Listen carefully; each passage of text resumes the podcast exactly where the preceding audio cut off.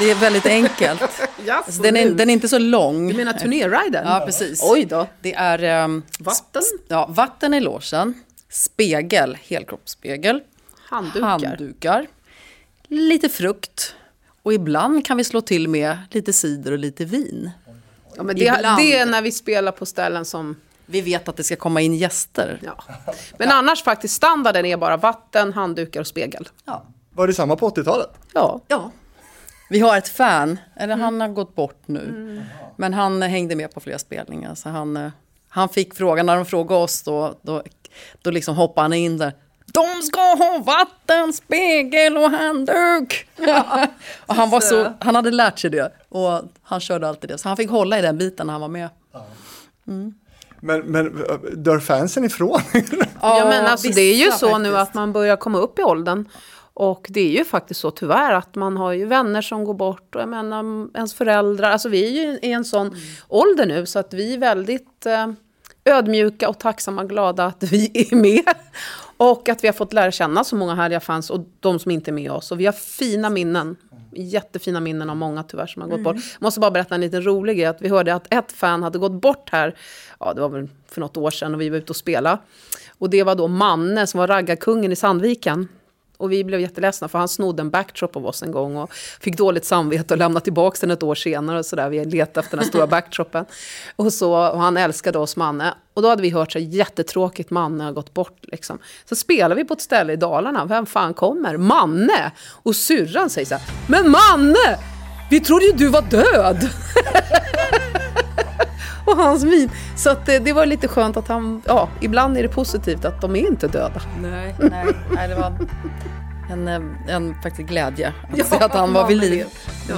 Ett av många minnen från Lili och Susie där vi sitter i ett kontorshotell på Söder här i någon slags konferensrum. Det här, det är ett avsnitt som jag har sett fram emot länge. Ni har en del hits kan man säga. Frågor och research är gjorda av mig, Fredrik Rahlstrand, med hjälp av Daniel Holmén.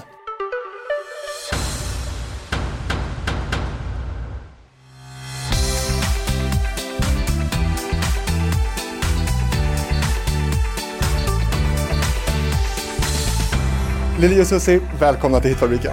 Tack. Tack. Äntligen fick vi till det här! Äntligen. Den som väntar på något gott väntar alltid för länge. Och jag tänkte kolla med er eh, lite vitsigt så här i början då. Har det här varit en enkel resa i er karriär? Nej. det har det inte varit. Det har varit en tuff resa, en turbulent resa och det är väl lite som den gamla hitten jag gillar med vet han, Ronald Keating, Rollercoaster. Alltså det har det verkligen varit. Men eh, med... Väldigt rolig resa också Ja, ska men jag det skulle tillägga. jag precis komma till. En, en galet härlig resa, annars så skulle vi inte suttit kvar där. Nej.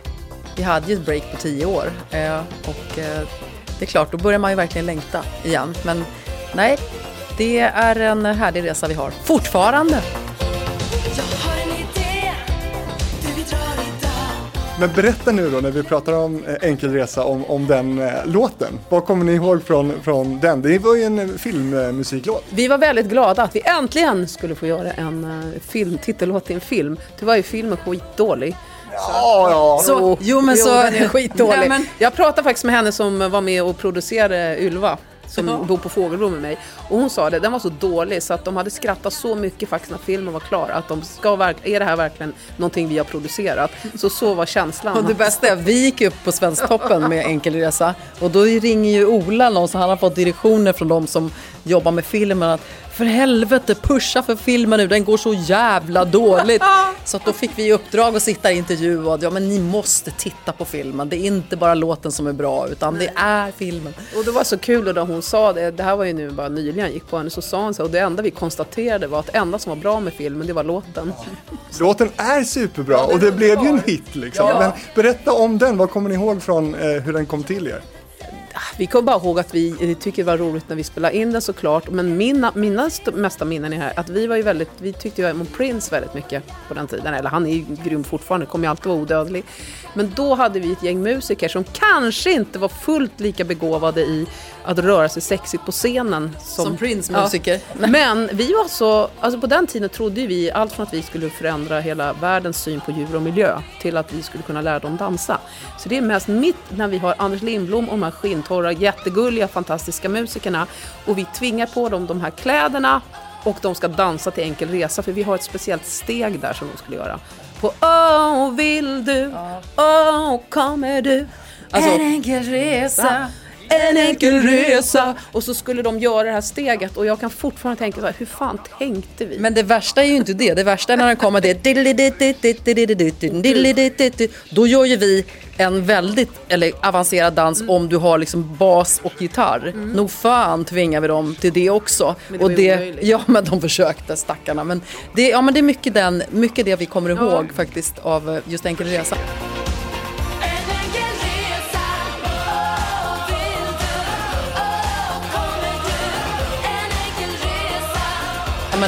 Videon också var lite kul. Ja, då var vi vi och spelade in på tak i stan. Kommer du ihåg när vi skulle byta om att det var en sån modern lägenhet som hade en toalett med glasväggar? Vi hade sån panik. Det var så jobbigt för man ska gå och kissa bara, men alla ser ju. Ja, men... fick hänga upp så badlakan. Ja, ja, men det är så det är här. Bara, ja, men det är ju, så, så vi bara, Susie, håll upp när jag ska och så håller jag upp när du ska. Ehm, det var också minne från Ja, videoinspelningen. på enkel resa. Stackars dig, du fick ingenting från studion. Ingenting hur låten kom till, mer än...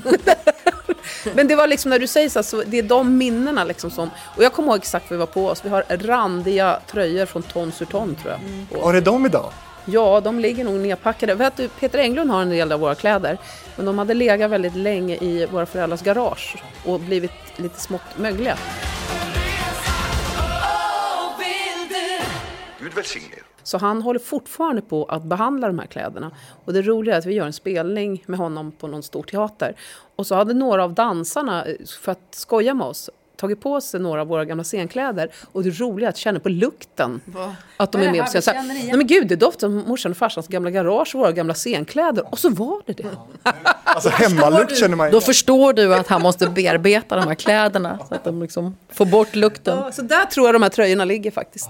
Men koreografier och sådär är ni inne på nu, det är intressant. Alltså, eh, ni jobbade ju mycket med det. Kommer ni ihåg mycket av de här originalkoreografierna idag? Jag kommer ihåg den dansen vi gjorde på Enkel Resa där i, i mittenpartiet. Eh, och mamma såklart sitter ju, det är inget snack om saken. tiden. Ja, okej, okej. Det, så att det, nej men vi kommer ihåg mycket av dansstegen. Det är också för att de är så pass enkla någonstans. Man upprepar ju så att säga. Och sen kommer det tillbaks samma saker i, i olika låtar som man använt sig av. Ja men det gör ju Ja, det. det Vissa snurr, jättevariation. snurr, snurr. Jo men, så att, men det är ju, har man liksom fördelat ut. Då, det roliga är att vi skojar om det alltid när vi ska köra Okej Okej när vi är ute och spelar. Då säger vi att vi har tackat nej till Let's Dance tre gånger. För att vi vann ju nämligen efter Melodifestivalen då 1989 så röstade ju barnen fram, jag vet inte vad det hette då, om det hette Bolibompa eller vad det är. Men då fram, röstade de fram oss som Sveriges bästa dansare. Och det är ju jätteroligt med tanke på ja, våran kvalitet som dansare. Men då skojar vi alltid om det. Så det säger väl lite om våran koreografi. Men jag tänker ett minne som jag tycker är fantastiskt, det är när vi gör det på Pride. När 10 000 typ gör exakta dansen ihop med oss. Då var det verkligen så att man blev ett. Är Och alltid den här- dubbelt upp, dubbelt ner, enkel, enkel, enkel, enkel, dubbelt upp. Så då repar vi först med publiken. Och det är klart, de på Pride bara yes, där ska vi sätta. Och det jag lovar, det satt. Det var fantastiskt. Och okej, okej, det det jag kommer ihåg från den här låten, det var ju att det var en kille i bakgrunden som dansade väldigt eh, roligt. Det är det jag kommer ihåg. Mm, det var, Vem var det? var inte det Joakim? Jo, det var Jocke. Han var en jätteduktig dansare. Jag tycker han är otrolig faktiskt, om du kommer ihåg den låten som heter Ride On My Love. Som, den blev ingen jättehit här, men den blev en stor hit i Kina bland annat. Jag tycker han, där dansade han fantastiskt med bara överkropp. Ihåg? Vi bara, ta av dig tröjan. Måste få se lite snyggt där bakom.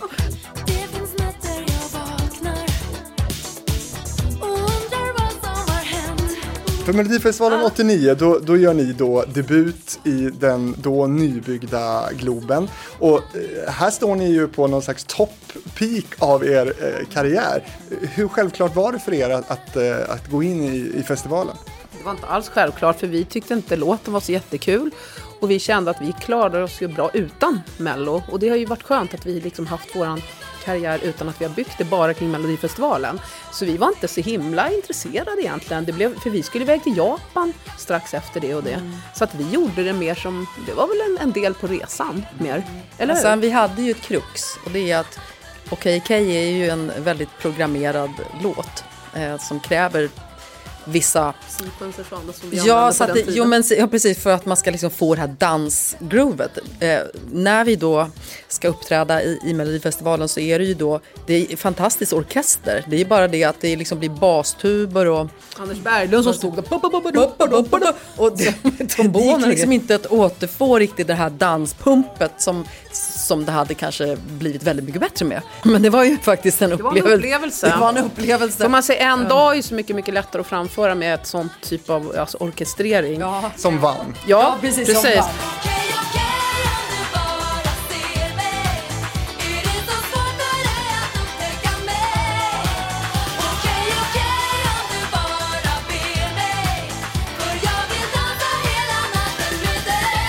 Sen kommer jag ihåg så väl också, vi hade ju då att vi skulle, om, på tal om dans, så skulle vi göra en sån här, vad heter det, moonwalk. En typ av moonwalk.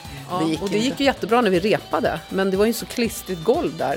Och på den tiden repade man inte som det är idag. Alltså idag är det ju minutiösa repetitioner och genrep. Här var det ju mer liksom, man kommer och det är ett, ett rep och sen kör man liksom med så. Men då kommer jag ihåg att då fastnade de här förbannade skorna också. Kom du ihåg det? Så det, det fick man ju skippa Och Anders. Hansson var jättesjuk, vår producent som vi jobbar med nu igen. Han var ju med där och spelade trummor eh, på själva den stora showen. Så jag kommer ihåg mest att det var, att du säger så här när Johan Ryding ska presentera oss. Ja, men grejen är vi är nummer ett. Så det är vi som sjunger första liksom, i Globen när det invigs. Det är vi som ska gå ut som nummer ett. Liksom. Ja, jag var... Då säger syrran så här, vi tycker inte att det lät så här jättebra kanske på genrepet. Så då säger syrran så här, ska vi skita i det här? Ska vi dra? Och jag menade verkligen, nej men vi drar, jag vill inte vara med om det här. Kan man göra det? Nej, det kan Ja, man. undrar om vi hade gjort det. Vi brukar tänka så här, om vi hade gjort det, vad hade hänt? Det hade nog satt sig i historien. Men eh, Men ni blir ju femma där. Menar ni då att ni, ni skulle ha kommit på en bättre placering om, om ni hade fått slippa orkestern? Nej, men alltså på ett sätt att man, att man hade fått presentera låten som den är.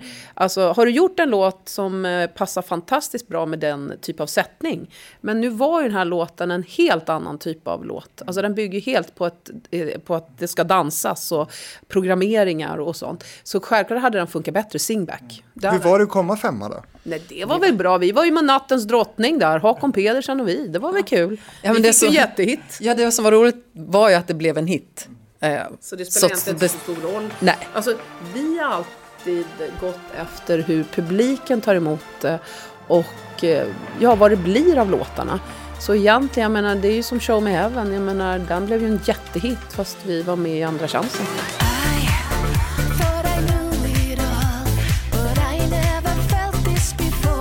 Det är publiken och vi det handlar om. Men Show Me Heaven eh, gjorde ni då eh, 2009 och gick till Andra chansen som du sa. Be- Hur många liksom, eh, tankar har det varit på Melodifestivalen under de här 20 åren då som ni inte var med? Inga så mycket. Faktiskt, vi, vi har ju varit så nöjda med det vi gör. Och Mello är kul, men det har inte varit vårt, om man ska som vi sa, det har inte varit våran, vårt huvudsyfte liksom att vi bara siktar kring Mello. vi är glada att eh, vi inte har slagit igenom via Mello. Utan det är kul att ha slagit igenom eh, av sig själv så att säga. Men ni har inte skickat in några låtar på de här 20 åren. Jo då, jag har ju jobbat mer som eh, med låtskrivande. Så där har jag varit med och tävlat lite och så. Och sen hade vi faktiskt en uppföljare som var jättestarkt i Show Me Heaven. Men det, det blev inte så och det kanske var olika eh, anledningar. Men eh, den finns kvar så den kanske man tar med på något album eller så. De blir. Mm. Men, eh, nej, men vi blev ju tillfrågade under perioden när vi så att säga låg, låg som Lili Susie. Eh, då var det ju flera tillfällen där vi, de ville ha med oss. Så att, men då passade det det inte. rätt Nej, för då var vi inte verksamma. Vi tänkte ju inte att vi skulle bli Lili Susie igen. Så att, eh, mm. Men sen i Mello också så tycker jag, det är väldigt viktigt att, eh, det är ju tre minuter. Och då måste man ju också känna att man har den låten som man kan sammanfatta på tre minuter och känna för det till 100%. Och det gjorde vi med Show Me Heaven. Den kände vi liksom att det här känns som våran låt och det känns så, hur den går så känner vi för låten. Och det är det viktigaste, Ja. att man tror på det själv. För tror man inte på det själv, vi har fått några förslag, vi fick något förslag för något år sedan. eh, Sådär, och vi bara, nej, det här kan inte vi göra för vi måste göra det 100%. Ja, att ställa sig där, för jag menar att medverka 1989 och 2009. Det var en ganska så stor skillnad.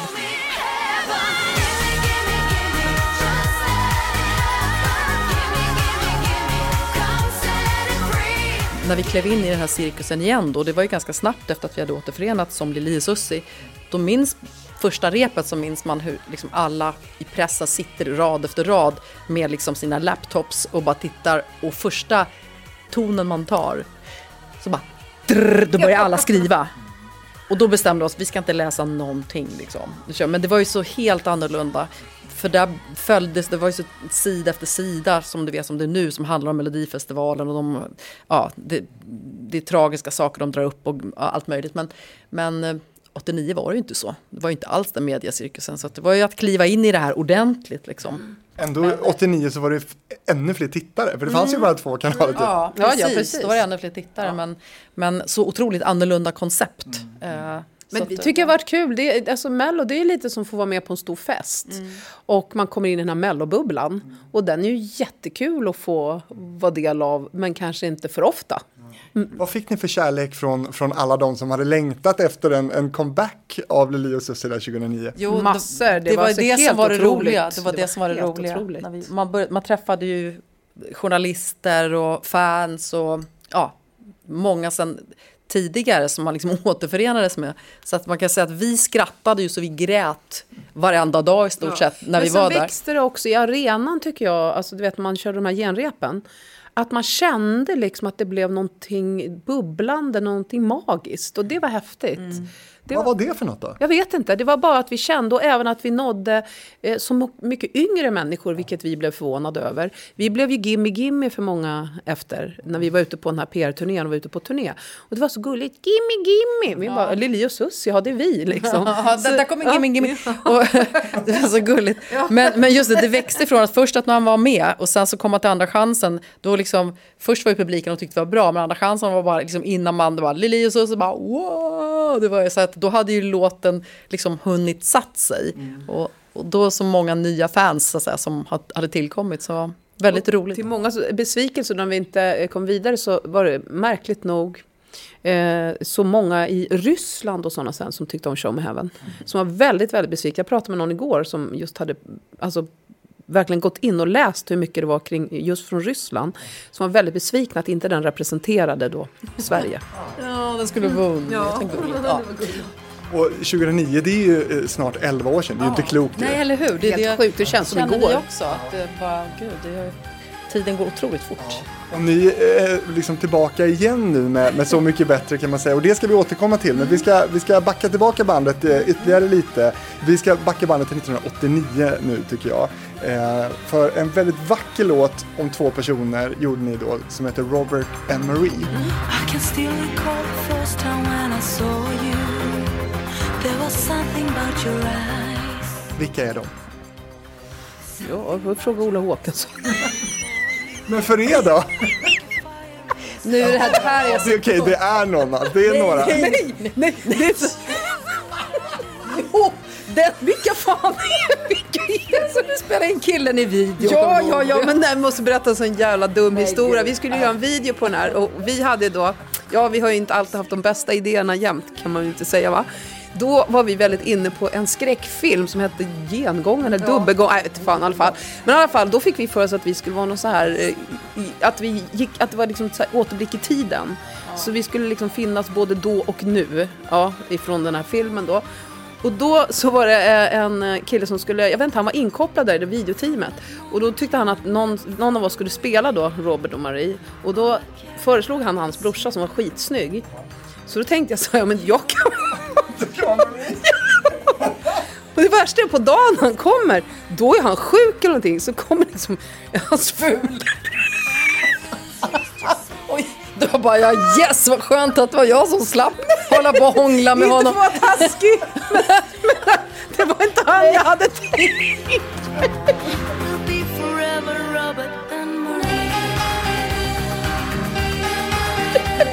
Marie. Nej, så det är Robert och Det är Robert och Marie för oss. Förlåt, det var så dumt. Dum historia. Förlåt, nej, nu ska jag Men det, men det är mycket kring videoinspelningar Ja, uppenbarligen. den var väldigt speciell för att grejen är så här, många tyckte om den låten, men aldrig vi.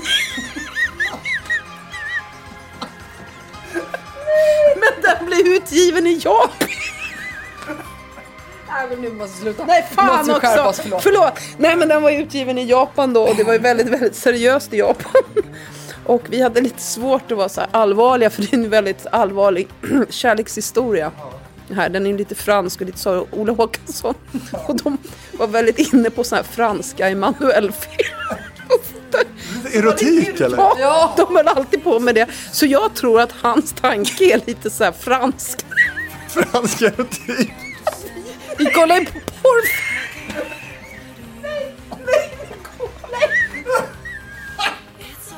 Nej men gud, det här går inte. Nej usch! Släpp den här jävla låten! Ja, gud. ja. Det blev inget vidare. Men jag måste bara... I innan inspelningen så kollar vi faktiskt på porrfilm. Av Robert och Marie. Nej, vilken fråga! Varför Jo, men det sa du den här frågan för? Gud vad Det dumt. var väl inget bra?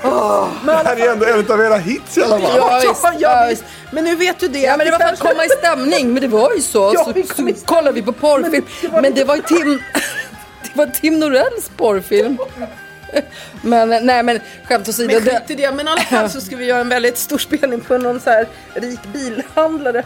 Ja, han älskar Ja, och då blev det väldigt fint för han hade önskat en låt och vi trodde ju så här, vi hade tagit med glitterkavajer och allting för han ska vara med oss på scenen. Och han var så så han bara, åh, jag vill, jag vill sjunga Robert and Marie. Och då fick vi sjunga den, men det blev faktiskt väldigt fint. Ja, det var väl den finaste. Utgången med den låten. Ja, precis, absolut. Nej, men han var ju- Bilhallen. Ja, i, hos bilhandlarens fest var det. Nej, det var, ja, nej men den, eh, den blev, det blev fint för den betydde väldigt mycket för honom. Ehm, men sanningen att säga så är det ju, nu är det ju så svårt att komma tillbaka och bli allvarlig efter det här. Men, men, men någonstans så, så ja, men när man sjöng det så gick man ju ändå in i den Ja, ja, ja. stämningen. Att just det här känslan av att man inte får den man vill och alltihopa. Så den är rätt, den är rätt tung. Ja, men den är ju så det. det är väl en av våra tyngsta, alltså som är mer allvarlig. Ja, som- men det, det är en sorglig kärlekshistoria. Kryddat med lite porr och erotik. Förlåt, det var, det var ändå, men det är en fin låt. Den, den, är, den har sin... Den har Så, så det sin går inte att rädda det. Skit Det går inte att rädda det här. Ja, vi, vi måste gå Måste gå vidare. vidare nu. Det här kommer bli ett långt avsnitt känner jag. Alltså hur som helst, ni har ju varit inne på det, för ni jobbar ju då med popgenierna Alexander Bard, Ola Håkansson och Tim Norell på det här albumet som heter Anytime. Eh, Har ni andra minnen eh, från det här? Alltså ni jobbade ju tätt ihop med dem. Ber- Berätta om ert samarbete.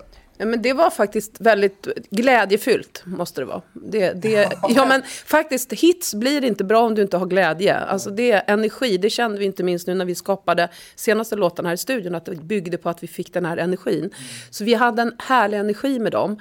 Eh, sen var det väldigt mycket längtan i, i låtarna. För att mycket av låtarna bygger på starka melodier och inte minst att det finns en liten sån här klang av moll ändå som bryter.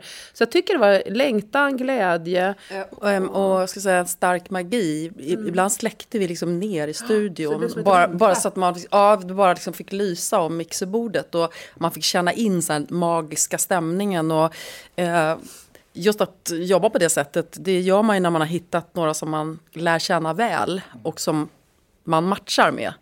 Och det kan vi säga att det är ju ganska svårt att hitta den matchningen eh, som vi gjorde med dem. Vi hade ju letat länge innan för att hitta rätt producenter som vi kunde samarbeta med. Men sen första gången vi möttes, när det magiska mötet kom, och liksom, alltså vi tittade på varandra och började sjunga eh, på en låt som skulle vara en, en boxningstitellåt, en film, ja, som heter Stay. Feel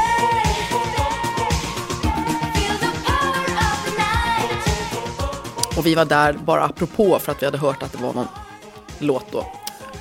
Och då träffade vi det här teamet. Och de blev ju lika överrumplade och glada som vi. För, vi, för den här magin växte då. Direkt kände vi bara, vad gör vi? Vi måste vi jobba med, ja men ni ligger på ett annat skivbolag, ja men vi måste lösa det. Så att eh, det blev Sonett och EMI som samarbetade sen då. För att vi låg ju på EMI och Ola Håkansson drev ju Sonett. Eh, så då löste vi det på det sättet. Men just när man hittar den här, ah, magiska känslan. Och Så så passade vår energi också. För vi har ju en viss liksom, energi tror jag som man måste fånga. ja. Precis, ja. Ja. ja. Nej, men så Hur kom ni på det här med att släcka ner i studion då? Ja, Men det var nog att vi var ganska barnsliga syrran för att när de gick iväg, åkte iväg och käkade lunch och sådär då tyckte vi att det var så kul med alla de här balla knapparna och lamporna och sådär. Det var ju inte liksom lika vanligt som idag med all eh, liksom, elektronik som finns. Så att Nej, men alltså, vi var lite testdansa, känna liksom. in eh, Vi åkte ner på Café Opera och sådär med liksom, och bad DJen testa till exempel vissa låtar och sådär med Ola Håkansson som stod och tjuvtittade så här. Dansa folk! Dansar, ja, de dansar, de dansar! Liksom. Ja, precis. Ja, men lite så att man testade på publik. Eh, och det var också ett roligt Mm. trick då. Liksom, någonstans. Och sen, men sen hade vi ju hundarna med ofta. Ja. Men hur mycket ert samarbete då? Jag tänker på Alexander Bard. Hur mycket var han så att säga hjärnan bakom eh, Lili och Susie? Jag tänker på att han spottade ju ut sig låtar under den här tiden åt många andra. Hur, hur, hur koncentrerad var han på er så att säga? Vi har väl aldrig jobbat jättenära Alexander, men han var med, liksom, mer i bakgrunden kan jag känna. Och så var han mer som ett bollplank. Men eh, någonting som inte har kommit fram, det är ju kanske hur delaktiga vi var i låtarna och allt vi gjorde. För mycket av vår energi, vårt sätt att sjunga, uttrycka oss. Eh, vi har ju våra små ändringar ofta som gör det här lilla pricken över i och inte minst liksom av våra körer och allt Våra det här. så här, bakkörer som, Som liksom körmelodier och sånt. Ja, och, och det tog ju vi hem låtar så skrev ju vi det liksom hemma. Så här, men vi tycker man ska sjunga så här på slutet. Och det tyckte de var jättekul och bra. Men, men vi fick ju aldrig liksom bli delaktiga i att ha, ha, haft, ha en del i låtskrivandet. På de låtarna. Nej, på dem. Och det, och det känns ju kanske lite tråkigt idag, men jag tror att då jobbades det mer så att här är artisterna, här är producenterna. Eh, just för sådana typ av akter som Fast vi så var. kanske inte många artister gjorde så mycket som vi Nej. gjorde på låtarna. Så vi borde ju självklart varit med i liksom själva låtskrivarteamet och fått den delen vi skulle ha. Eh, så. Men, med Har ni blivit blåsta där? Ja. Men det, som syrran säger, det var en annan tid. Det, det såg annorlunda ut. Och idag så är alla så mycket mer om sig och kring sig. Och liksom det, det, är- det är en helt annan business och industri. Där var det fortfarande lite så här artist, producent. Idag går ju allting ihop. Som idag när man jobbar så kör man ju ofta en split. För att man överhuvudtaget ska få ihop det. Liksom. Så att det är ju helt andra förutsättningar. Det är både enklare och svårare på olika sätt. Liksom.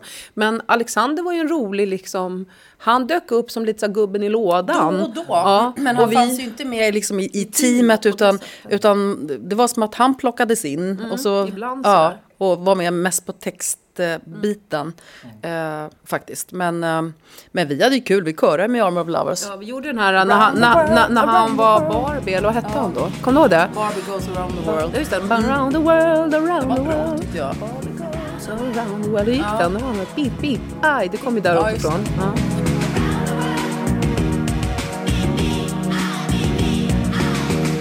Ja. Hur var det att köra med Armor of Lovers då? De, de var ju också enormt stora. Jättekul att få gjort. Alltså, det, jag måste säga, jag tycker att få köra är jättekul. Vi har ju fått göra det på ganska mycket grejer. Och, inte ring minst häromdagen så ringde Jens Ganman och eh, han då, och han var blev årets svensk förra året.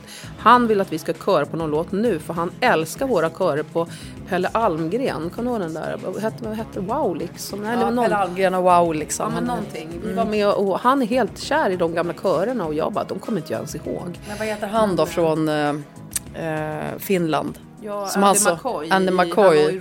Han har ju Roxa där också. Ja, men Det vi är har gjort mycket körgrejer om man tänker med Gessle och alla vi har sjungit in mycket så här. Och även massa demos för folk och vi var ju även inplockade. Vi gjorde ju Dansa i ån till exempel demon. Tackade nej till den när vi var inne på, på Mello. Att det inte blev vi, eller vi fick inte sjunga den för vi var för sexiga. För de hade sett oss i ett program som heter Sommaren kommer där vi sjöng Sommar i natt.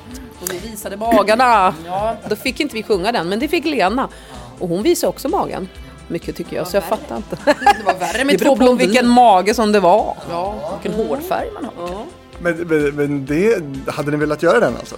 Jag vet inte, men ganska bra. Vi, alltså, vi, hade vi, passat oss vi också. gjorde faktiskt arret ju. Det är mycket det som är kvar i hennes version.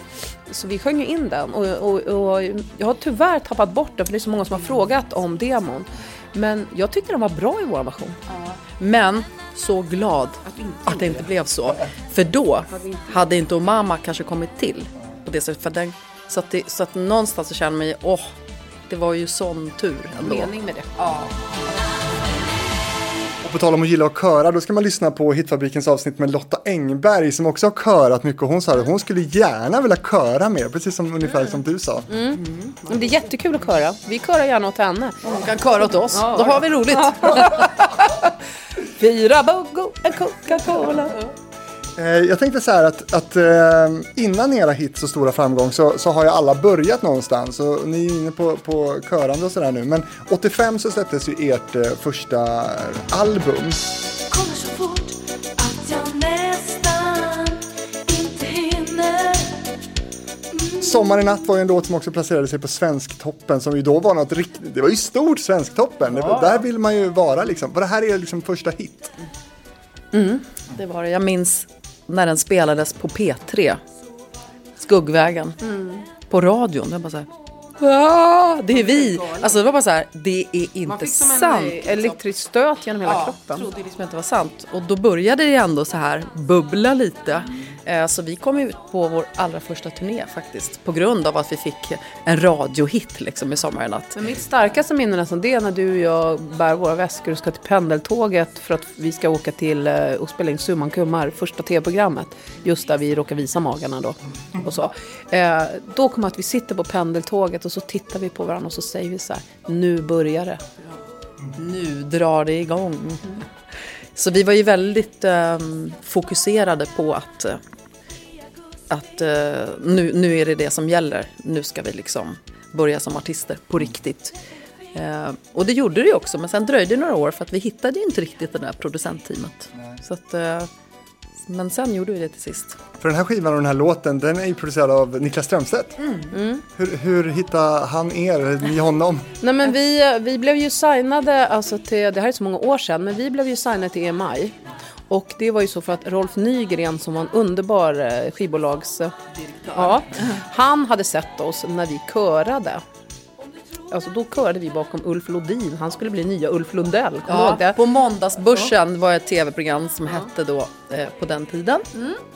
Och då körade vi Jonas. Hallberg Ja, just han Mm, ja, var programledare. Ja. underbar. Så att vi körade bakom honom och sedermera sen var vi ute på en turné med Sussis orkester och körade bara och då någon gång så ringer han till oss och vi tror att det är någon som tjuvringer för det var ju liksom hela ståendet, alla som drömde om det här, Bengan Andersson, de som är duktig producent idag också. Man drömde, hans dröm var alltid att Quincy Jones skulle ringa. Hi this is Quincy, det var hans stora dröm. Och vi hade ju en dröm då att någon skulle ringa och vilja signa oss. Från ett skivbolag liksom. Och Så en att, dag i Sollentuna så ringer ju han oss. Mm. Och vi tror ju att det är Bengan eller någon som vi tjuvringer. slänger ju telefonen så här mellan oss. Ah, ha, ha, din dumme fan. Ah, ha, Vi syns på lördag i, liksom, i, i Västerås, typ vi ska ut och spela, du vet, var det läget? Och han bara hallå, hallå, och liksom så Det här. här är Rolf Nygren på EMI, hallå! Då börjar vi förstå att det här är inget, det eh, det här är på riktigt. Så det var ju också en chock.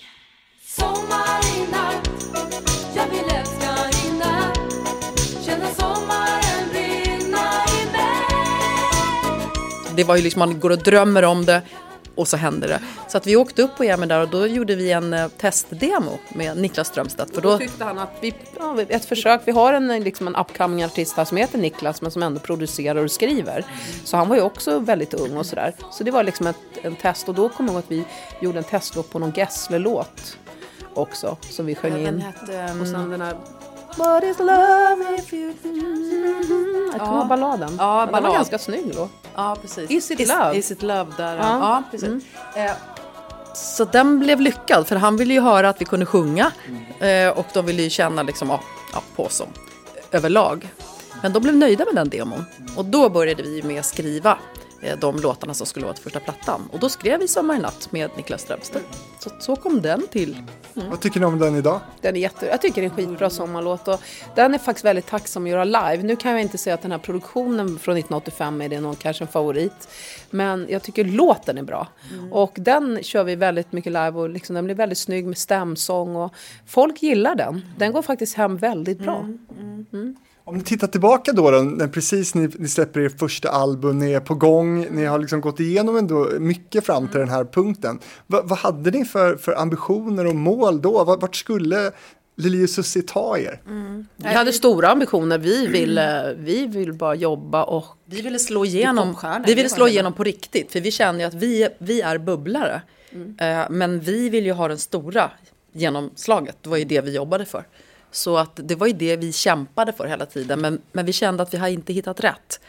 Vi hade inte, och det var som att flera eh, i publiken sa det så här. När ni får rätt låtar, när ni får rätt producenter. För vi tycker Sommarnatt är jättebra. Men vi hör att det är inte där ännu. Nej, vi känner likadant sa vi.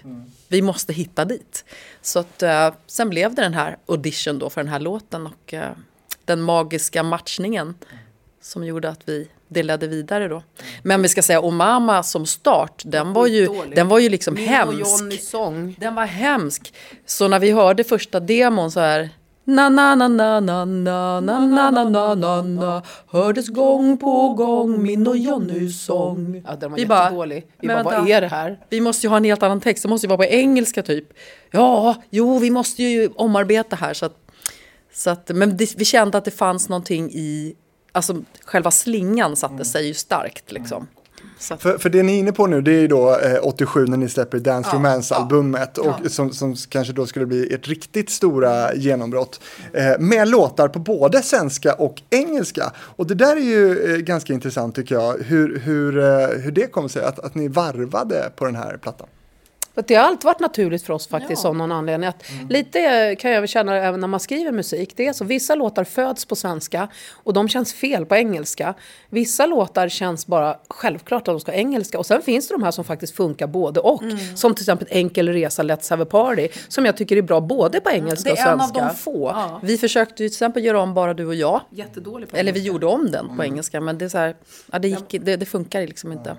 Så, så att det, det är lite grann så. Oftast har det blir en identitet liksom med ett språk. Sen Men handlar det lite om rytm tycker jag när man sjunger. Alltså att svenska och engelska är ganska olika i, när man sjunger det. Så att eh, vissa saker känns bara rätt. Alltså att det blir rätt timing i, i hur du lägger orden också. Det är ju också en känsla liksom. Men vi gillar både, liksom, Ja. alltså, både svenska och engelska texter. eh, Och, och, som sagt var, och vi har inte haft något problem med att blanda och tänkt att det måste vara engelska eller svenska. Utan det, det är det som faller sig naturligt för låten som vi har jobbat efter. Och jag tror aldrig publiken heller, alltså vi har aldrig tänkt det att, att det är konstigt att mixa. Så. Och skivbolaget då? Det blir svårt att göra en, en internationell lansering av just den plattan, då får man göra om då. Ja men vi Ja. gjorde alltid alltså, så att vi hade en engelsk version och så. Men jag tycker ju som du sa, vissa av låtarna de, de blir inte detsamma om du har gjort dem på svenska riktigt. Men, och engelska så. Men jag tycker ändå vi har fått ihop det rätt bra. Ja. Det har gått bra för er. Ja, ja det har funkat. Ja. Men vi ska ta två exempel på det då.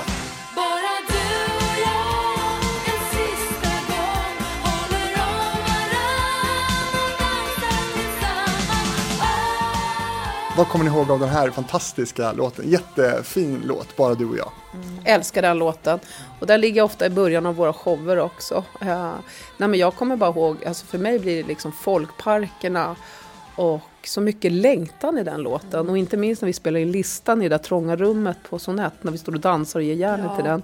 Det är så här, Nej, men den väcker just de här känslorna som jag tror att det, det är ganska starkt, just det här bara du och jag, en sista gång.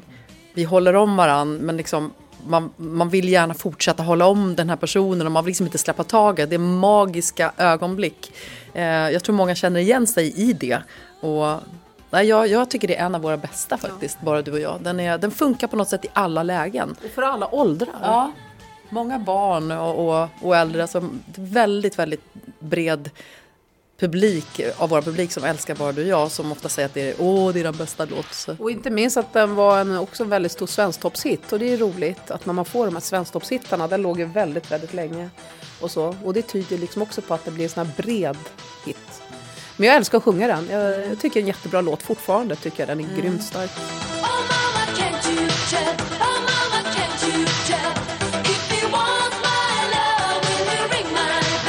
Det här är ju en sån här låt som ju verkligen är en, en, en av era största hits och som ni förknippas mycket med. Hur trötta är ni på Omama? Faktiskt inte. Vet du, när vi är ute och spelar den så kör vi den live med så mycket olika bra band. Så vi har den i alla olika typer av förklädnader kan man säga. Vi har kört den med så här, du vet, rockabilly-trios, vi kör den med storband, vi kör den med funkband, rock. Alltså, den, och, och jag vet inte, men en hit på något sätt, man blir inte så trött på den. Däremot kan jag tycka det är kul att folk plockar fram andra våra hits, att inte bara den.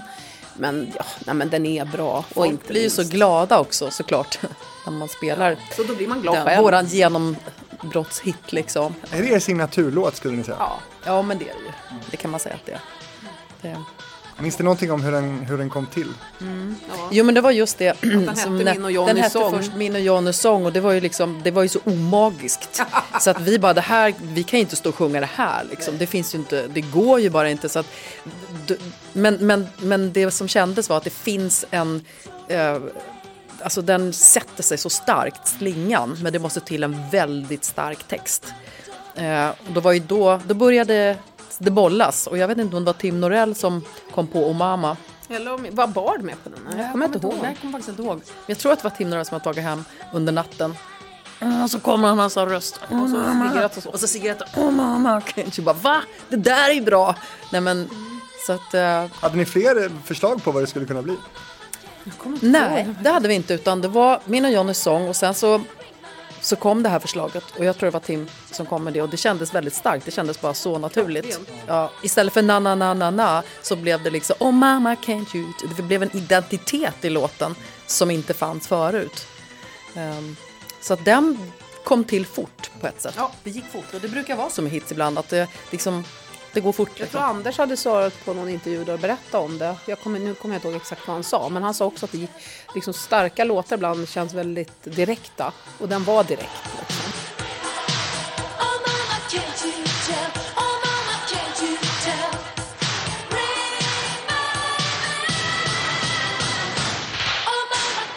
Just den här, alltså när vi byter refrängen så blir det Once my love, once my love, ring my bell. Alltså det är ju så starkt tycker jag när man har en andra refräng som kommer som, nä- som är liksom nästan lika stark som A-refrängen, att det kommer en B-refräng. Det älskar jag i låtar.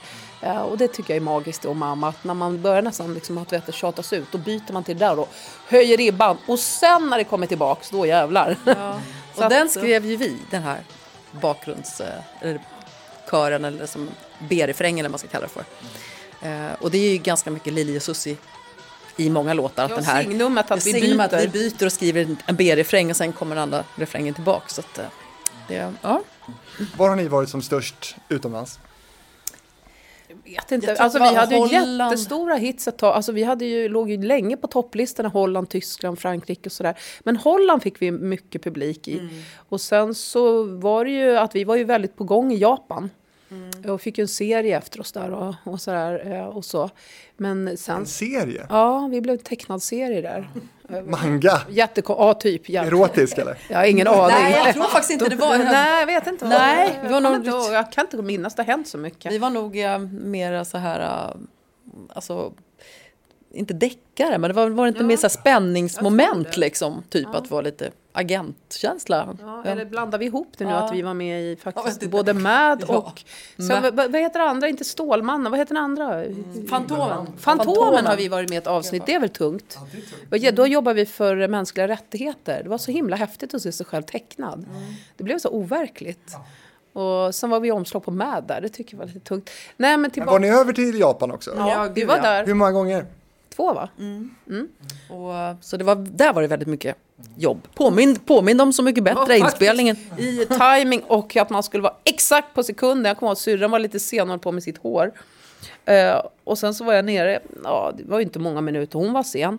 Hon var så gullig då, Nobi som var från vårt skivbolag, han bara Where, uh, where are you sister? Uh, yes, she's fixing her hair. She's here soon. Och satt man där liksom bara, is, is she sick? No, she's on her way. Och du vet, för dem var det liksom att du får ju, i Japan är det så, du kommer inte för sent och du kommer inte för tidigt för det är ofint.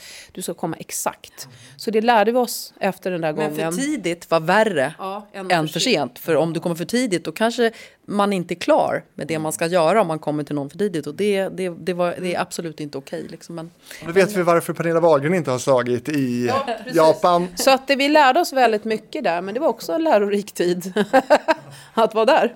Ja, hur är det att turnera och jobba där? Det var jättekonstigt för att det är så himla... Ja, det var skönt på ett sätt för att jag själv är lite så här av en... Eh, tycker om att ha kontroll och ha koll på tider och jag hatar att sitta och vänta när man ska ut på scenen. Vilket var jobbigt när man var i Frankrike och Spanien och så här. Det var ju liksom en timme eller tio. Man visste ju aldrig vad man liksom... Så, så där tyckte jag det var skönt med Japan för man visste liksom att är det 20.00 då är det det, intervjuerna så här och det var väldigt kontroll. Men det var väldigt hårt. Och det var sorgligt när man var där och se de här ställena där väldigt många tog sitt liv. För det fanns ett speciellt berg där man liksom typ gick med sin eh, portfölj och sen kände man bara att nej jag orkar inte mer så hoppade man.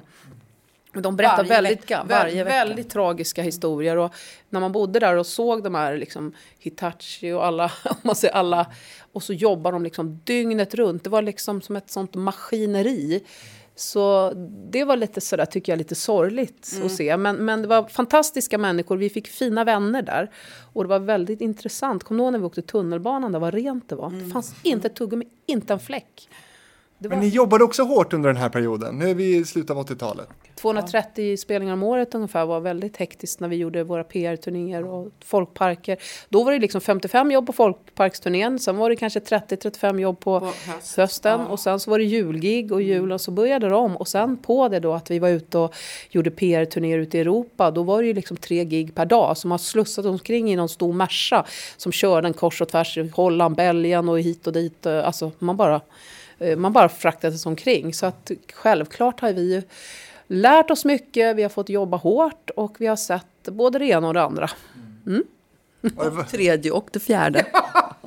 vad är det värsta ni har sett? Nej men, nej, men det, fy fan, det det hände var ju ju- så ja, mycket. gud, men det utomlands var det så här, det var ju ganska mycket droger. Ja. För, och det, jämfört med Sverige då, Då, så var det väldigt mycket droger. Och de tyckte ju så här, gud, ni gör ju ingenting. They don't eat, they don't fuck. They don't do drugs. They don't, they don't. och, och de äter bara grönsaker. Det var ju också så konstigt att inte äta liksom kött och sånt. Och, och, Men då sa vi så här, nej tack, men vi vill inte ha. Så de trugar liksom med tabletter och sånt. Och så bara, nej. Okej, Och sen likt förbannat, när man liksom vänder ryggen till, så ska de slänga ner liksom det i läsken typ. och drinkarna, Eh, och, eller i vatten och så. ja. Men vi fick ju lära oss. gjorde de det? Ja, de ja, gjorde det. ju Och vi såg ju sig. det. Så sen sa vi så här, bara, vi öppnar våra flaskor själv och vi dricker direkt och sen höll vi koll. Liksom. För de vill, de tyckte så här, men ni fattar inte. Ni fattar inte, de andra artisterna, vi har ju Alla. skitkul. Vi har skitkul. Liksom. Bara, Ja, men vi vill inte liksom. Jo, men det var ju mycket så snuskiga gubbar då som la handen på låret så ska man vara lite utvald och tro att man liksom vill ha sex med någon ful gammal skivbolagsdirektör. Liksom. Och vi har alltid varit väldigt eh, så här att nej, det är inte intressant och vi går inte den vägen. Så att det blev en liten krock där faktiskt med vårt sätt att vara. Och att vi också började diskutera liksom djurskydd och miljöproblem. Och när vi var i Japan tog vi upp valslakten och det var väl inte jättepopulärt. Sådär. Men kan vi bara, det här är ganska allvarligt det ni berättar nu ändå. Alltså, ni, ni blev utsatta för sexuella trakasserier också. Ja, ja, ja. Det kan man väl, ja, det kan Det kan man man väl ju säga. förstå liksom eftersom att hur vi såg ut så kunde ju en del eh, korkade män tro att det var fritt fram. Och även tyvärr en del producenter som också har kläckt sig. Åh, jag trodde ni var såna här tjejer man kunde ha i knät. Och så visar det sig att vi är liksom väldigt drivna, vi är låtskrivare, vi vet hur vi vill ha det. Vi liksom har en, ja, vi är seriösa om man säger så. Eh, det är ju väldigt fult att ta till, ta, tro att bara för att man tycker någon är attraktiv, att man tror att den personen ska vara liksom tillgänglig. Ja men just att liksom så här, börja kyss, tungkyssas helt plötsligt. Liksom, han, du vet, han i, det var i, i vad var det? Fan, vad. Italien eller Frankrike. var- Bara så, men bara så, åk hem till din fru, liksom, sa vi. De blir ju så här jätteförnärmade.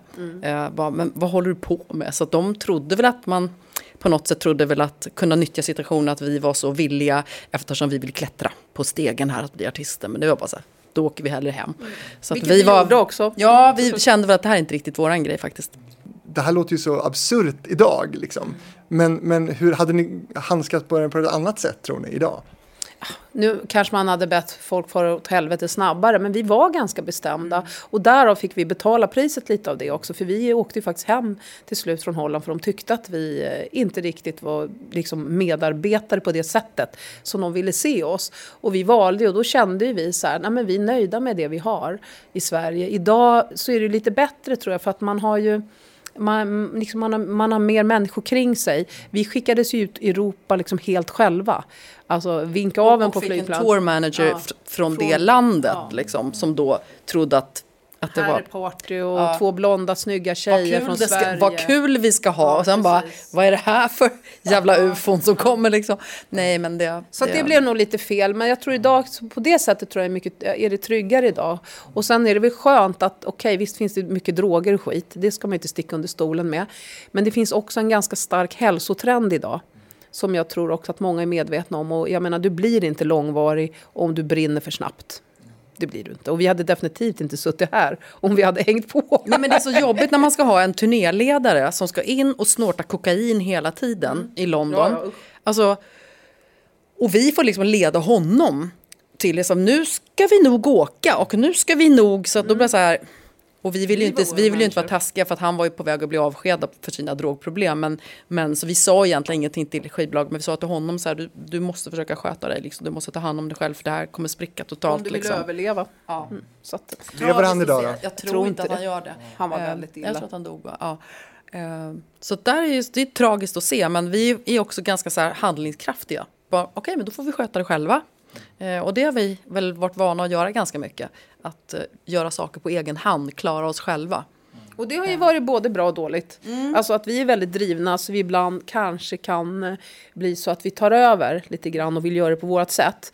Nu har vi lärt oss att visst är det jättebra att vara så, men det är också väldigt, väldigt bra att eh, lyssna och eh, lyssna på professionella råd. Alltså och, och ibland fundera lite innan vi går till handling.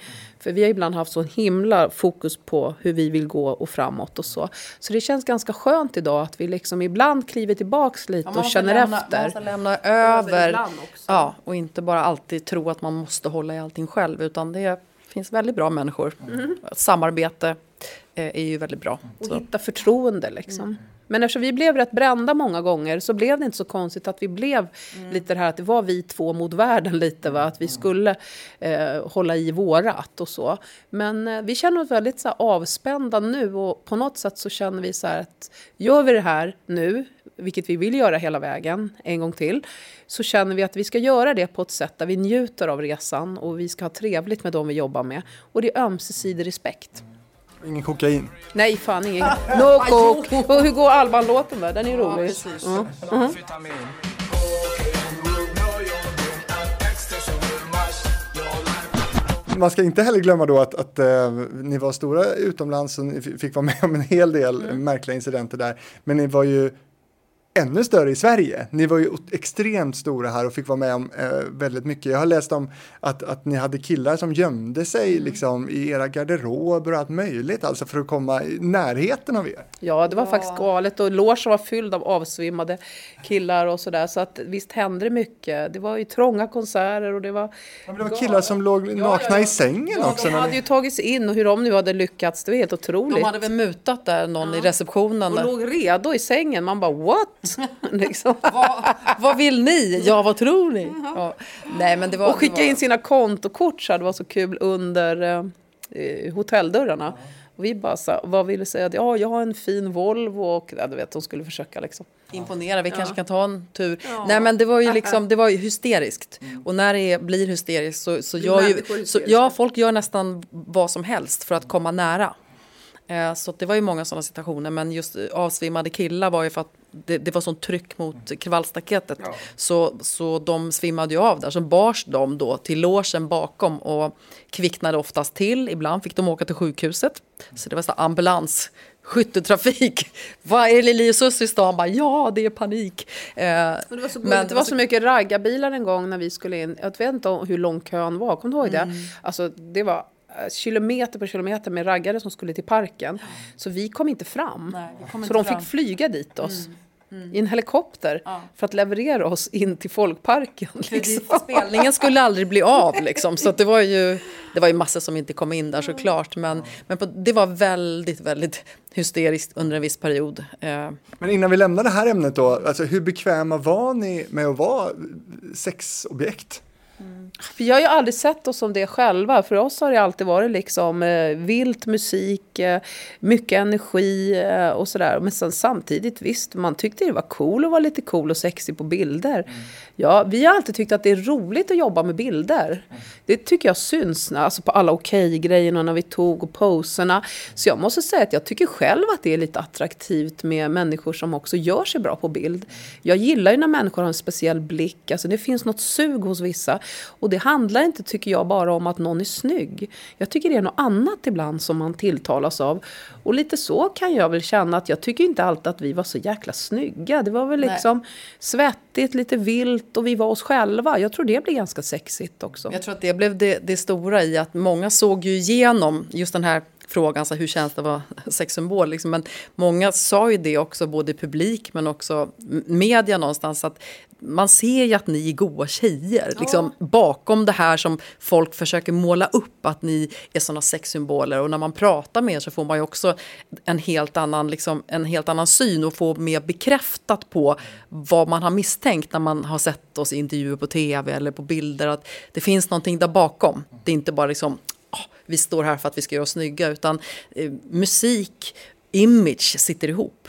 Och vi tycker att våran image, vi gillade ju kläderna vi hade på oss, vi gillade rosa och rött läppstift. Det var ingenting som någon satte på oss eller hade sagt till oss, utan vi hade det sen liksom, vi började använda läppstift. Eh, så ville jag ha rosa, sussi rött, så att allting var ju ärligt. Och jag tror att det sken igenom efter ett tag när den här liksom första vågen av att ah, såg ni sexsystrarna igår i tv, vi fick en chock och det var så här. Men samtidigt eh, så så var vi ju pryda på vårat sätt. Så det var ju en mix av, tror jag, som blir.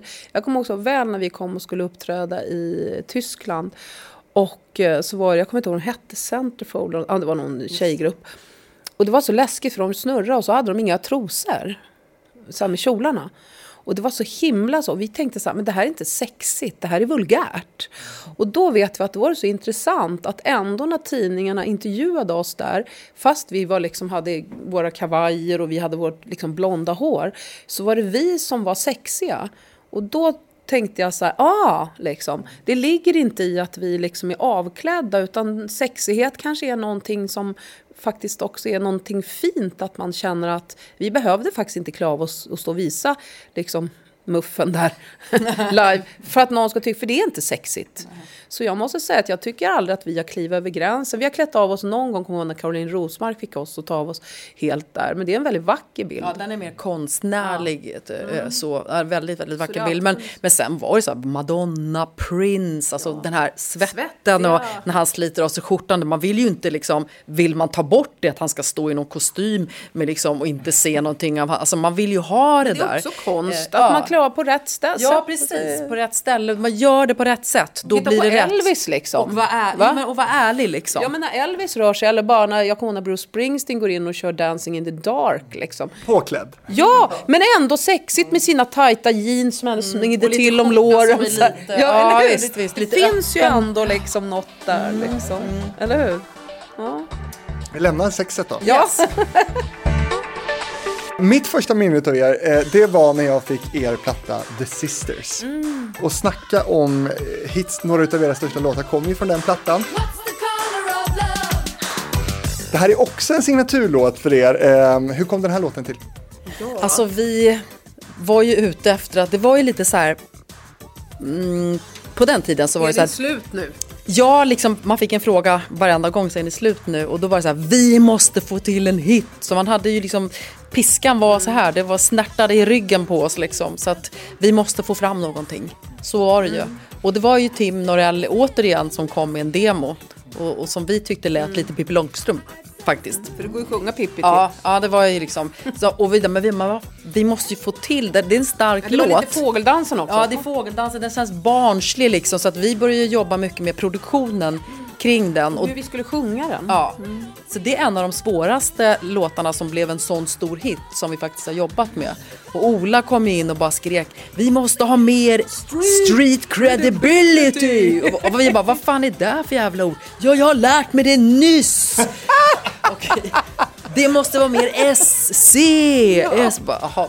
Eh, nej men så vi började försöka, hur skitar vi till den här då? Det är ju inte så himla enkelt Och där gjorde ju faktiskt. Anders ett fantastiskt, alltså att han fick den här, äh, lite barnsliga attityden med kombon med det här lite skitiga och sköna groovet som den har. Och inte minst att vi kom på det här blue, red, green, white. Så att, eh, men det var faktiskt en eh, tuff låt och jag tror att det är en av de ruffare mixarna som blev liksom singeln. De här lite finslipade som vi tyckte, äh, det här blev ointressant. Och det är det som är så intressant med mixar, att du kan ju ha en underbart stark låt och så kan det fallera så mycket i vem som mixar och, och gör, liksom sitter med de magiska nivåerna. Så att eh, det var Men det även var, så... då var det inte då Ola slog? Jo, han slog inte kaffekoppen. Nej, men alltså, nej, slog näven i mixerbordet. Nu jävlar sitter det! Och då Välte en kaffekopp? Nej, nej det släcktes, hela mixerbordet släcktes. Och vi bara, för på den tiden var det inte så, alltså man visste ju inte vad, har någonting pajat nu? Magiska mixen är fan borta, men, men det var den inte. Eh, men, men det var otroligt skönt när vi satte den mixen och man kände att nu har vi den. Och då åkte vi ut och testade. En av de första vi träffade var ju, vad heter han på Jeff? Jeff Ja, just det. Jesse. Jesse Wallin, ja. Wallin. Mm. Han var en av de första som fick lyssna på den, testspela. Och eh, vad tycker du sa vi? Vad tycker du?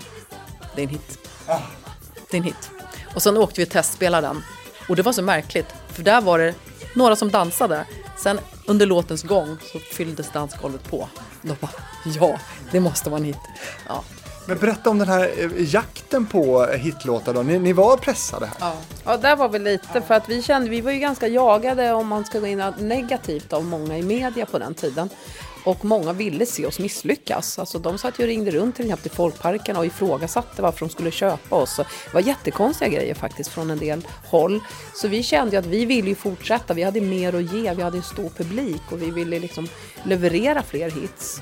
Så att det var ganska Men sen är det du har ju skivbolaget som också vill att vi ska producera mer, för då tjänar ju de mer pengar. Så att,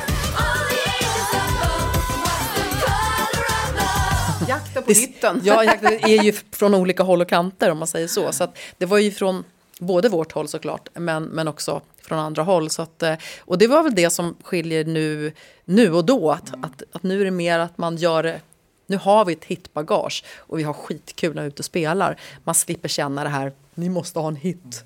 Hur mådde ni här då? Nej men vi mådde nog ganska bra. Alltså vi, hade, vi, har ju all, eh, vi har väl haft en förmåga på något sätt att glädjas åt det vi har och göra det bästa av de förutsättningarna vi har. Så att vi hade väldigt roligt och jag minns ju minst att det var magiskt när vi gjorde, jobbade mycket med Boyfriend och, och där klev vi in också mycket mer att eh, vi, började, vi liksom tog lite mer plats som låtskrivare och sånt där också sen framöver. Så att vi mådde bra. Men Jo men vi mådde bra. Vi är man ganska, jag tror att vi har haft en så otroligt bra uppväxt och haft så kul i vår familj. Så man har en boost av en trygghet, man har en harmoni och man har en, en styrka att liksom stå emot eh, motgångar på ett annat sätt när man har den grunden. Så jag tror att det handlar mycket om det. Men sen får jag säga det, det är skitbra att vi är två. För att när det är tufft så är du inte ensam. Utan vi kan alltid liksom, man bollar med varann och man kan bara prata om vad fan gör vi nu liksom. Ja, och om någon är lite mer tveksam och känner sig lite så här, då, då är det bra. Då kommer den andra med så här. Ja, men, och då kanske man får en annan vinkling. Du vet ibland när man snör in på grejer och tycker att ah, fan, nej, jag orkar inte mer. Nej, det här är inget bra. Så kanske den andra kommer då. Ja, men då är den kanske lite starkare i den perioden. Så det, det är en bra. Man, man eh, stöttar liksom varann. Mm. Och, så att det, ja men det, I med och motgång, men ni har väl också spytt på varandra?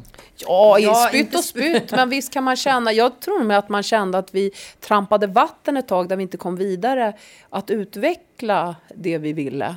Och sen så har man ju olika, man har ju lite olika preferenser vad man vill göra och sjunga och sådär. Och därför var det nyttigt med den här resan vi gjorde, liksom att vi fick utveckla så här och så kommer man tillbaks. Och då har båda liksom fått utvecklas och blomma ut och testa olika vägar och göra olika saker i livet. Och så kommer man tillbaks så är man nästan ännu starkare. Så, för det. skildes ju åt, det var ju, vad var det, 95 någon gång va? När vi avslutade, Vi var inte 94. i USA sen och Ja, det, men 97. det var precis, men, ja, precis, men det tonade ju ändå ut där som att vi hade ju, gick från skivbolag och, och sånt där. Liksom. Och sen så bestämde vi då, men nu skiter vi i det här liksom. Och, och, och jag började jobba mer med djuren och djurens ö. Och, och det tog över liksom mitt liv. Och, och Susie skaffade ju tre barn och började Ja. skriva låtar. Så, att, så att vi levde så skilda liv vilket gjorde att vi syntes aldrig nästan. Kanske någon julafton, Ja, eh, påsk någon jul påsk på liksom. Ja, för att det var ju så att antingen var jag borta och filmade i något land eller höll på med djuren och Susie hade ju, det är ju jättemycket med, med tre barn och låtskrivare. Så att vi syntes inte. Så tio år var egentligen vi borta både från liksom vår publik, artisteriet och som systrar på ett sätt. Så att sen när vi då möttes igen när vi, på en spelning som vi egentligen inte hade tänkt göra. Nej. Men när vi möttes där, då var det så sjukt för det var ju en, en spelning i, i eh, Mal- Malmö. Malmö med en vän som skulle typ ha en Pride-kväll.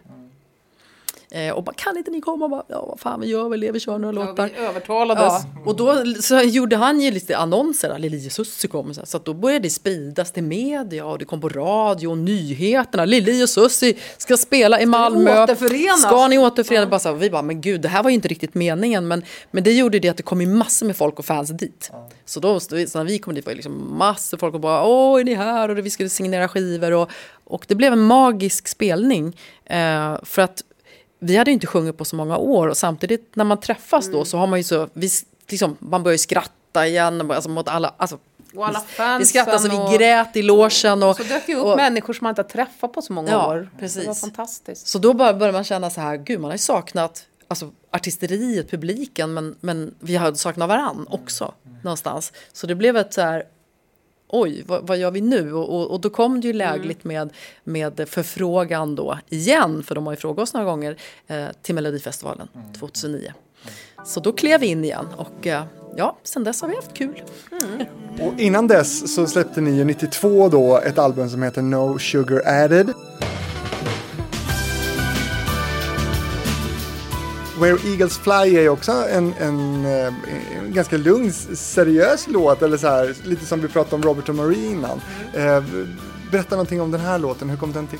Den betyder jättemycket för oss, för den är ju skriven liksom utifrån vårt perspektiv som eh, djur och miljökämpar på något sätt. Att den för oss handlar om en plats där man får vara den man är. Och man är fri och liksom, det är en hyllning på något sätt till frihet och kärleken till djuren och naturen. Eh, så att den låten tycker jag är otroligt stark och jag tycker det var fantastiskt kul att den blev en sån hit. Eftersom att den är ju som du säger, den har ju en annan klang än det här glada och publikfrieriet. Men den har blivit väldigt uppskattad och det är väldigt roligt när vi är ute och spelar att många önskar den, alltså när vi inte kör den. Liksom, varför kör ni inte Where Eagles Fly? Grym låt.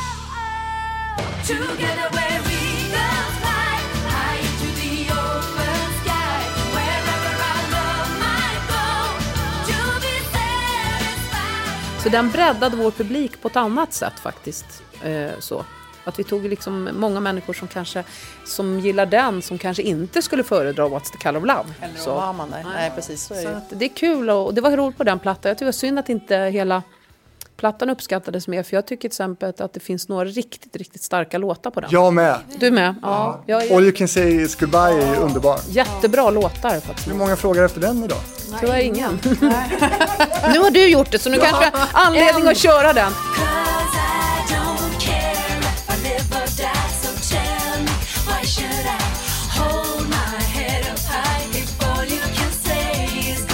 Nej, men jag tycker det fanns många bra låtar där som, som Den aldrig gjordes liksom... faktiskt i ett tv-program med två små, vet tjejerna, att det var något program där man fick mima till sina artister. Småstjärnorna.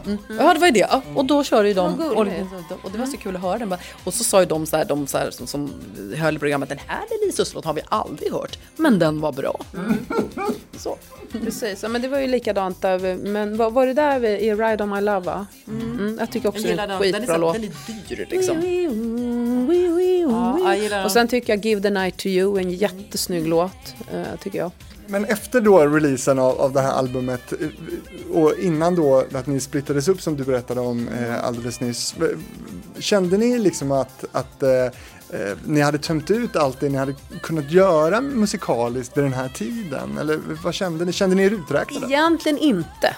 För att vi hade så mycket musik och har så mycket musik inom oss. Och jag lyssnar lite nu på våra de här galna projekten vi gjorde, de här eh, metal och rocken och vilda mer. Eh, alltså jag tycker att det kanske var, alltså det, vi var lite före vår tid. Eh, jag tycker det var väldigt intressant och jag tycker det är hits där med. Men jag tror att vi tog ett för stort steg där. Alltså vi visste vad vi höll på med på sätt och vis. Men vi ville ju också kunna få experimentera lite grann. Och där liksom blev det ju kanske lite knasigt Ja, också. skivbolagen bara, men det här är ju inte ni. Det här är ju liksom, vad, vad, håller ni, ja, vad håller ni på med liksom? Bara, ja, men vi vill göra någonting annat. Vi är lite trötta liksom på gamla Lili och. Eller, eller det, det kändes uttjatat så här, bara, mm, hur kommer vi vidare? Så här, vi var trötta på konceptet och det kändes som publiken. Det har varit så mycket Lili och Susie hela tiden. Så jag bara, Och så vi här, ville sjunga mer. kan vi få göra någonting annat? Vi håller på att tokiga. Lite så. Men sen var det ju så att nej, men då ville ju inte skivbolagen, då tyckte inte det var så kul att vi står och sjunger hårdrock. Så att ni sjunger jättebra hårdrock men det är inte ni. Lite så. Innan vi börjar prata om, om Så mycket bättre nu lite kort så ska jag bara fråga Anki Bagger. Ja. Hur mycket kom hon att betyda för, för Lili och Susie? Men Anka, alltså för det första så började hon och jag i, skolan ihop för länge, länge sedan. Jag tror vi lärde känna varandra i tvåan eller något sånt där. Ja, i Sofielundsskolan i Sollentuna. Så hängde vi stenhårt liksom. Och sen så började ju syrran och vi, och hon liksom och showa, vi gjorde shower ihop och sådär. Men sen slog ju vi igenom. Ja men grejen är den att vi sjöng ihop först vi tre Mm. och showade ihop mycket. Så meningen var ju faktiskt när vi började så här att fan vi, vi ska vara en artistgrupp. Men Anke åkte utomlands och sådär. Men hon var inte riktigt lika taggad Nej, som hon oss. hittade liksom andra vägar och vi två var ju så bara, men vi ska. Så vi la ju liksom all vår tid, liksom, vi ska dit. Men Anke hon hittade liksom lite andra vägar och, och då gled vi isär. Så att det blev liksom Lili och. Så att, eh, men hade hon varit riktigt taggad så vem vet. Alltså jag tror vi var tydligare där. Vi var ju med med vårt låtskrivande. Vi hade en liten annan. Men vi hade väldigt kul ihop i alla fall. Men sen så när vi slog igenom så var det så himla roligt då. För då kände ju vi bara att det var, var så kul på Mama där med eh, att hon kom med på någon jävla vänster. För det blev en jävla rolig effekt. Och det var så kul när folk sa så här, Lili Susse fattar vilka det är, men vem fan är hon i mitten? Så det blev ju en, en rolig grej. Och med det så pratade vi för Anke, hon var ju med oss på mycket. Och det gjorde att hon fick skivkontrakt eh, också Ola Oxon och dem och fick göra sina grymma hits med dem. Så Ja, det vad, tyckte, vad tyckte ni om hennes första album? Jag tyckte, jag jag tyckte alltså, älskar- People Say Sin Day. Jag minns när man såg den på tv när, de, när de filmade hennes fot Ja. först så här. Alltså, och den är ju så, det är verkligen pirret som finns i den låten. Mm. Jag älskar den. Och What Were Last Night passar egentligen inte Anki som sångerska. Nej. För att hon har ju inte riktigt den här rock... Men, men i produktionen blev det magiskt med hennes röst ändå. Jättebra låtar och, och det är ju kul att vi nu eh, sammanstrålar och gör det här 80-talsnatt bland annat där Anki ingår och sådär och vi är ju goda vänner fortfarande. Så att eh, vi har väl levt liksom en del olika liv där jag tror att Anki aldrig kanske haft den här inställningen att hon gör, alltså går genom eld och vatten hela vägen som vi kanske har gjort för att få göra det här. Och sen så kanske vi är lite mer musiker än vad hon är. Jag förstår vad jag menar. Och då menar jag med just låtskrivandet och hålla på så. Men eh, det är ju... Ja, men det är den här elden. Du, du, så här, vi kan inte vara utan musik. Man kan, alltså man, står man inte på scenen så längtar man dit. Liksom. Och jag tror att hon kanske inte riktigt har den starka dragningen. Så, Hela vägen. Nej, hela vägen. Vi, man kan inte vara utan det. Även om vi hade tio års uppehåll så skrev jag mycket musik till eh, Djurens Ö-serien och släppte platta där med, liksom, med eh, en full CD. Liksom. Och, så att hela tiden, man, musiken måste vara med. Nu är ni aktuella med Så mycket bättre. Eh, hur många gånger har ni blivit tillfrågade eller är det första? Nej, det är faktiskt... Ja, vi tillfrågade kan vi säga. Men de ringde oss för några år sedan. Och pratade. Och frågade massor med frågor, kommer jag ihåg. Eh, Men eh, sen så var ju då problemet, då hade de inte några duos och så. Så det rann väl ut i sanden. Tills det nu kanske tydligen var läge. För de hade ju med Icona Pop va? Mm, och så. Så att eh, då, ja, och så nu när vi fick frågan så kände vi att okej, det var ju lite segt för covid-19 och allt det här. Och, men eh, vi kände liksom, äh, vi kör. Är det fler hits nu då? Ja, ja, det vet vi ju inte, men, men det, det Hur känns det? Det känns, nej, men låtarna känns faktiskt magiskt bra.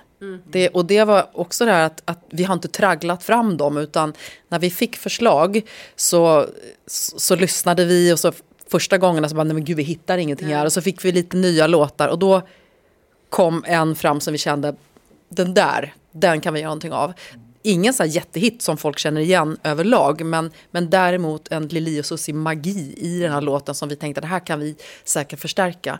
Eh, och, och, och då det. sa de så här att nej men den här kanske någon annan Ja, ska eh, ha. ska ha. Bara vi, nej, nej, den ska vi ha, annars är vi fan inte med. Nej men det var ju så att de största hitsen var ju liksom tagna. Paxade. Ja, eh, och det kan man ju tycka är kanske lite konstigt egentligen att man inte sparar alla låtar till alla artister är klara. Men det är ju så liksom, många vill ju såklart få göra de här allra största låtarna. Men varför paxade inte ni dem då? Ja men vi var ju inte tillfrågade, vi visste ju inte, de var inte till. Vi fick inte liksom, frågan att göra dem.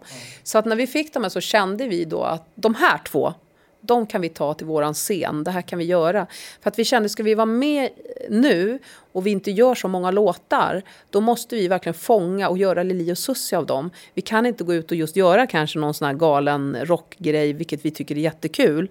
Men nu när vi skulle göra då, att kanske göra en typ av comeback eller vilja köra igen, då måste vi vara Lili och Susie. Och då blev de här låtarna. Och sen då att vi fick ihop samarbetet med Anders Hansson igen, som har varit magiskt. Och det var verkligen magisk stämning i studion med Susie Tapper och Anders och oss. Att, Men just eh, att det gick så fort på något sätt att få till låtarna, de kändes ganska naturliga på något sätt och självklara. En, ja, Så att vi då valde ju då den här Markus Krunegård-låten, Hela livet var ett disco. Och sen så eh, tyckte vi att det vore kul att få bjussa på våran livesida. Så då gör vi en liten kyss, vad heter en liten kyss av dig? Mm. Eh, Plura och Eldkvarn. Så att eh, vi hade väl gärna då fått, velat få till kanske en så här lite psycho där vi har fått spåra ur lite. Men vi känner ändå att vi levererar liksom två låtar som vi känner når hela vägen. Och vi, men vi, jag ska säga, vi fick lyssna på riktigt stora hits också och välja. Men där kände vi så här, det var inte nej, de hitsen som passade nej, oss. Alltså det, det, det blev för likt. Liksom Lili och Susse, vi tyckte alltså man vill, på något sätt vill man ta någonting som, göra någonting av något som kanske inte liknar oss för mycket. Så, det blir liksom enklare och, och som, man, som vi tyckte kändes bra nu, det är nästan som att om man gör en jättestor hit som alla känner till, då är den så himla, ja alla, den är så rotad på ett visst sätt. De vi har valt nu, de känns mer som att de nästan blir egna Lili och Susie-låtar. Eh, för det Vad, var, vad kommer det här ta er nu undrar jag? vet inte, vi får ju hoppas... Vi, hoppas, alltså, vi, har inte, vi har ju aldrig varit de här som tror att allt bara ska öppnas och så rullas röda mattan ut och alla står och jublar. Det är inte så, det har vi aldrig sett på karriär. Vi hoppas att det här blir en start på en liten ny Lili och Susie-era där vi får fortsätta och kanske kan göra våran turné 80-talsnatt ordentligt. Och vi vill så gärna göra en folkparksturné igen. Finns de kvar? Ja, men vi har en liten plan på också att eh, få liv i dem. Eh, så. Och vi nämner ju nämnen också faktiskt i texten på eh, Hela livet var ett disco. Så får vi in folkparken också. Det är magiskt faktiskt. Så att eh, det är väl en dröm. Och vi skulle vilja göra ett album till. Med en, kanske en liten tidsresa där vi får in våra de här lite skumma låtarna. Ja, och får knyta ihop säcken med det vi gjorde, stora hitsen, våra lite små resor utanför hitsen och sen så landa i idag med ett gäng nya starka låtar. Och vi har faktiskt några nya som vi har nyskrivna som ligger klara, nästan klara. Så att, eh, det är väl våran dröm, eller? Eh, absolut, att det ska ta oss vidare. Och, Mm. och att det är, och, men också tycker vi att det är så kul för att publiken och fans har väntat så länge på att vi ska vara med. Så att det är en sak som känns så himla skönt att de äntligen får se oss. Och jag, förväntningarna, oj oj oj vad vi har fått meddelande här. Eh, om Har att, ni skickat in till Melodifestivalen också? Vi har två låtar som vi skulle tycka, om vi får rätt möjlighet att göra dem, så skulle vi tycka att det var väldigt kul att få vara med en gång till. För att vi känner ju liksom Så mycket bättre, få göra mello, sen turné. Det kan ju inte bli bättre. Och just att vi kände ju när vi gästade mello i våras, när vi gjorde ett litet inhopp när vi var, eh, så här, vad heter det? Gästakt, eller vad heter det? Mell- vi var mellanakt, Mellanakt med Jan Johansson och och då Sean körde Banan. vi Okej Okej. Och det blev en otrolig kärlek och så. Och, och då kände vi så här att nej men gud, det kanske skulle vara kul nu när vi har den här erfarenheten och lugnet att göra det. Eller en mellanakt, det är också kul Ja. såklart. Men, men eh, det var så gulligt då, för det var ju så här scouter som, hur gamla var de? 9, 12? bakom oss Ja, som skulle vara med i numret och i slutet skulle komma upp. Så man repar ju flera gånger. Och, och, och efter liksom fyra rep så, så tittar de på oss som vi gudinnor liksom. Och, och, bara, och så sa de det, ja den här låten den är ju så himla bra. När släpper ni den? Den, den vill vi ha. Bara, Ja, jo, men det, den finns en lång tid på. Det, det, Den har funnits ut sedan 1989 lilla Precis, det är liksom över 30 år sedan. Bara, Nej, det är sant, den är så himla bra. Så då hade vi liksom blivit idoler under tiden på repet, fast de visste inte vilka vi var. Så med låten då tyckte de bara Lili och Susie. Så det är så gulligt. Så fortfarande är det så här starka låtar. eh, fortfarande kan det fästa. Och det kommer ju nya generationer hela tiden. Eller Och hur? vet du vad som är bra med oss? Det är lite att vi är ju miljövänner och sådär. Vi är lite recycling. Att det är lite roligt när folk kommer och tittar på oss. Det är så, här, min mamma har ju lärt mig att lyssna på er. För då har de ju haft så här gamla plattor. Mina grannar till exempel på Fågelbro har ju varit att hon lyssnar på oss. Då gillar barnen det. Så att det är lite roligt att det kan gå så här. Det går i arv. Generation efter generation. Ja, men kul. Det är miljövänligt. Återvinning. Lili Susie, hur har det här varit? Nu har vi snackat mer än en timme om er karriär här. Kul och du är grym på att intervjua tycker jag. Så att nu ska jag bli en trogen fan och lyssna på podden där. Som journalist kan man ju säga att, att det går ju inte att täcka hela er karriär på en och en halv timme så här. Eh, utan det blir ju mycket eh, ändå. Men, men eh, det är ju sådär, någonting måste bort. Och det, vi hade kunnat göra en serie. Ja, precis. Vi kommer gärna tillbaka. Stackars er när ni ska redigera det här. Eh, Och du som lyssnar, eh, vill du kontakta mig, gör det på fabrikspost@gmail.com. Hitfabriken finns också eh, på sociala medier, på Facebook och Instagram. In dit, för där ska jag nu pressa Lili och Susie på några snabbfrågor. Eh, tack så mycket för att ni var med. Tack, jättekul. Tack.